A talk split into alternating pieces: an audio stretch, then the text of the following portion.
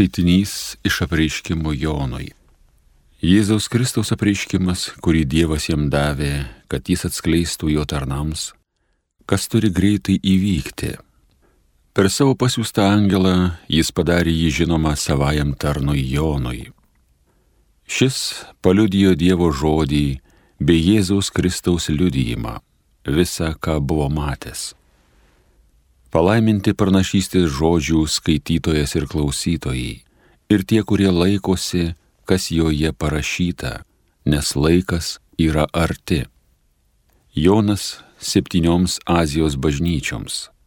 Malonė ir ramybė jums nuo to, kuris yra, kuris buvo ir kuris ateis, ir nuo septynių dvasių esančių prieš jo sostą. Efeso bažnyčios angelui rašyk Tai sako tas, kuris laiko savo dešinėje septynias žvaigždės, kuris vaikščioja tarp septynių aukso žibintuvų. Aš žinau tavo darbus, tavo triūsą ir tavo ištvermę. Žinau, kad tu negali pakęsti piktųjų ir ištyriai tuos, kurie sakosi esą apaštalai, bet tokie nėra ir radai juos esant melagius. Žinau, kad esi ištvermingas, kad dėl mano vardo nenuilstamai kentėjai vargus, bet aš turiu prieš tave tai, kad palikai savo pirmąją meilę. Taigi prisimink nuo kur nupuoliai, atsiversk ir vėl imkis pirmykščių darbų. Tai Dievo žodis.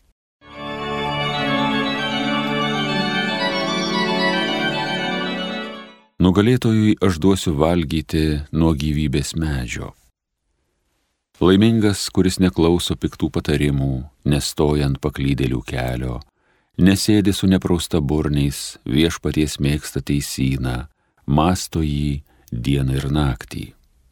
Nugalėtojui aš duosiu valgyti nuo gyvybės medžio. Jis kaip tas medis prie upelio sodintas, duos gerą derlių metų atėjus, nevysta jo lapai, visi darbai jo sėkmingi nugalėtojui aš duosiu valgyti nuo gyvybės medžio. Netaip su bedieviais, netaip, jie kaip pelai sklaidomi vėjo, į teisiųjų gyvenimo kelią viešpats žiūri maloniai, o kelias bedievių į pražūtį veda. Nugalėtojui aš duosiu valgyti nuo gyvybės medžio.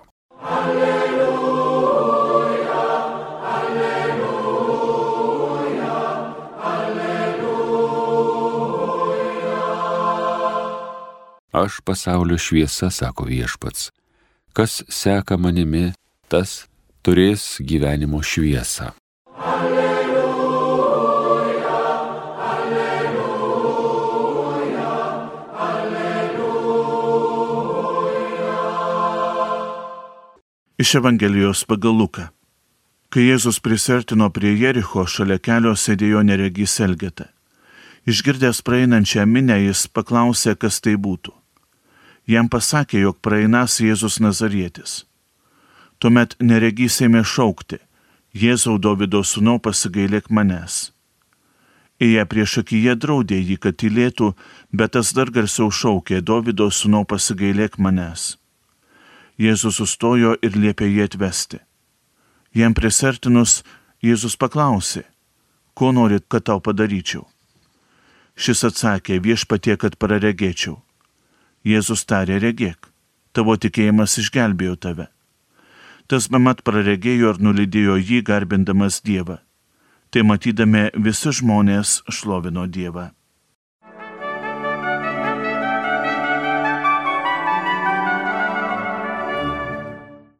Keliaudamas į Jeruzalę, Jėzus ėjo pro vieną seniausių miestų - Jerichą. Atrodo, pro šį miestą Dievas juk galėjo tiesiog praeiti, taip gal būtų e, buvę ir greičiau, bet jis užsuka. Apie jo viešnagę šiame mieste nekarta yra kalbama Evangelijose. Būtent šiuose vietovėse muitininkų viršininkas Zachiejus ieškojo tinkamo šilkmedžio, į kurį įsilipęs galėtų geriau matyti Jėzų ir galbūt likti nepastebėtas, kaip jis pats vylėsi.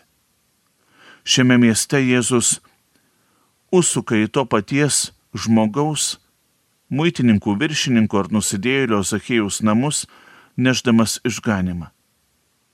Evangelistas Lukas pasakoja dar vieną epizodą.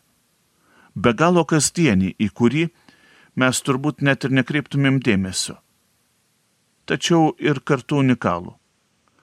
Prie šio miesto, tai yra Jericho vartų, sėdė aklas Elgeta. Ko gero, nebuvo likę to žmogaus nei vardo, tik kokie nors labai kuklus gyvenimo likučiai, vilties likučiai, trupinėliai. Galbūt kiekvieną einantį į miestą jis pasitikdavo kažkaip panašiai šaukdamas, prašydamas. Kai pagalvoji žmogui, juk nieko kito ir neliko. Tik šaukimas. Tik sustingusi viltis. Ir tą akimirką Elgeta paprasčiausiai girdi brūsgesi. Ta akimirka, ko gero, jis jaučia, kad pro šalį praeina ne vienas žmogus o gal tas brūzdesys jau yra širdies virpesys. Pro Elgetą tą akimirką praeina daugybė žmonių.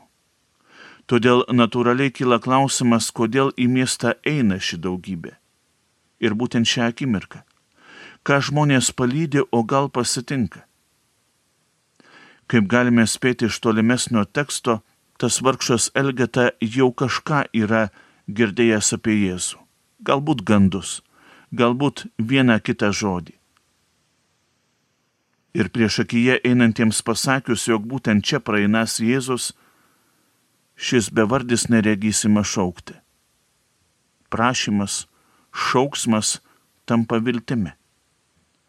Galime suprasti ir žmonių reakcijas Elgeto šauksmas lik ir turėtų simbolizuoti gėdą, taisyklių laužimą, rimties pažeidimus. Tačiau žmogus reikia daug garsiau už gatvės brusdėsi. Ir kitaip. Kitaip negu kad iki šiol jis rėkė ir šaukė. Neprašo išmaldos. Prašo regėjimo. Galbūt net ne fizinio, prašo dvasiškai regėti Jėzų. Ir štai kodėl jis neturi nutilti, bet netgi turi prabilti į mus 21 amžiaus žmonės ir pamokyti šios savo laikysenos. Šauksmo. Suponuoto širdies virpesio. Išmokyti prašyti neformaliai, nematerialinės pagalbos, nenaudos, į kurią dažnai pernelyg mes sutelkėme savo dėmesį, bet galimybės regėti. Ne tik kelio dulkes, ne tik žmonių veidus, tačiau ir viešpati, o juk tai ir yra be galo svarbu. Viešpati gal tik praeinantį, tačiau visada pasiliekantį. Šios dienos Evangelija mums parodo, kas yra tikėjimas. Tai, brangieji, yra tai, kas neįrėminama kokiu nors apčiopiamumu. Tai pasitikėjimas pakylant iš savo įprastinės vietos ir ėjimas paskui žodį rašoma didžiai raidė. Ir galų gale kokios nuostabios tos Jericho apylinkės. Ne tik Zachėjus kardinaliai pakeičia savo gyvenimą, tačiau ir tas, kuris sėdėdamas prie miesto vartų neturėjo nieko kito - nei vardo, nei savęs jis sugeba iš tokios, sakytume taip, keblios padėties pakilti ir įsekti. Pakilti išgirdus viešpaties žodį ir eiti paskui jį, kas kartą atrandant save ir savo tapatybę. Melskime, kad viešpats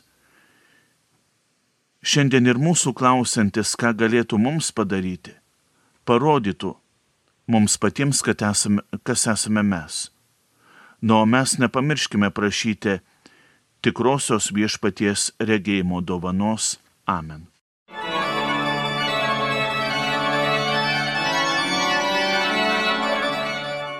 Homilija sakė kunigas Nerijus Pipiras.